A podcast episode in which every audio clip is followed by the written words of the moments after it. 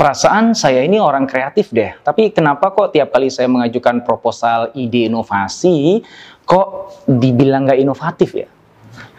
Ternyata beda antara kreatif, inventif, sama inovatif. Nah, kalau kita tahu bedanya, maka kita tahu tuh gimana cara buat proposal yang kemudian bisa menang lomba inovasi. Emang apa sih bedanya? Yuk kita lihat.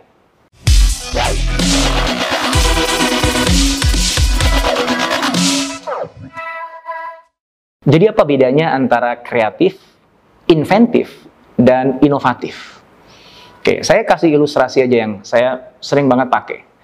Kalau misalnya suatu saat Anda memutuskan di satu hari di kantor di mana semua karyawan dibebaskan, boleh pakai baju apa aja gitu ya.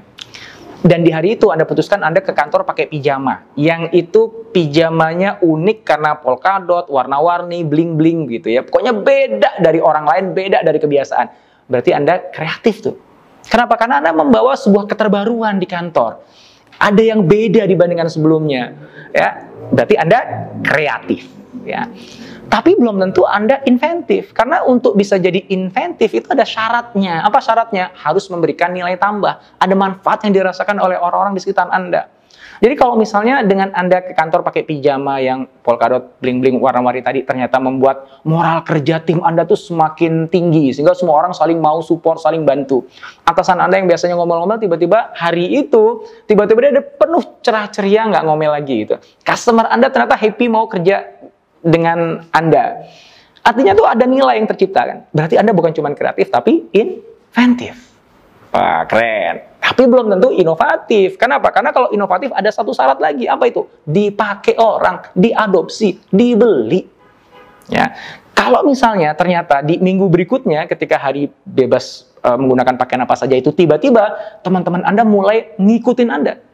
Mereka mulai pakai piyama juga, polkadot juga, warna-warni juga, bling-bling juga. Kenapa? Karena mereka pengen seperti Anda mampu menciptakan lingkungan kerja yang bahagia, atasan yang juga uh, nggak ngomel-ngomel lagi, customer yang juga pengen kerja sama-sama dia, dia tahu itu ada nilai dan dia pengen mengikuti itu supaya dia ngerasain manfaatnya.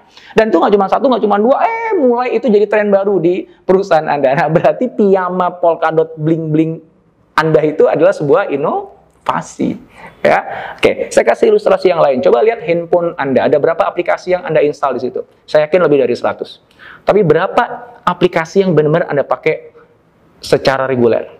Ya, ya mungkin 10 lah ya, TikTok gitu ya. WhatsApp, um, Instagram, Facebook. Artinya apa?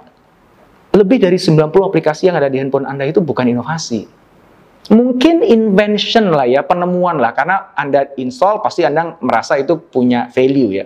Tapi buktinya Anda nggak pakai. Berarti Anda nggak benar-benar butuh itu.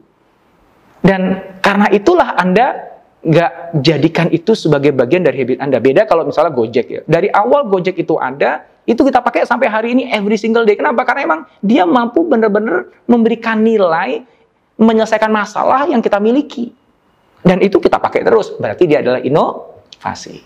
Nah, jadi Anda sudah mulai tahu nih bedanya nih.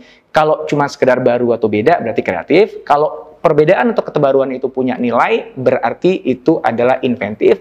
Kalau orang akhirnya mulai mengadopsi, ngikutin apa yang kita lakukan, menggunakan apa yang kita ciptakan secara reguler, maka itu adalah inovatif. Nah, ide Anda selama ini itu kreatif atau sudah inventif atau sudah inovatif. Kalau Anda bisa bedakan itu, mungkin next time ada uh, permintaan proposal inovasi, Anda sudah bisa lebih pas untuk merumuskan inovasinya dan punya peluang lebih besar untuk bisa memenangkan kompetisinya ya. Mudah-mudahan, insya Allah.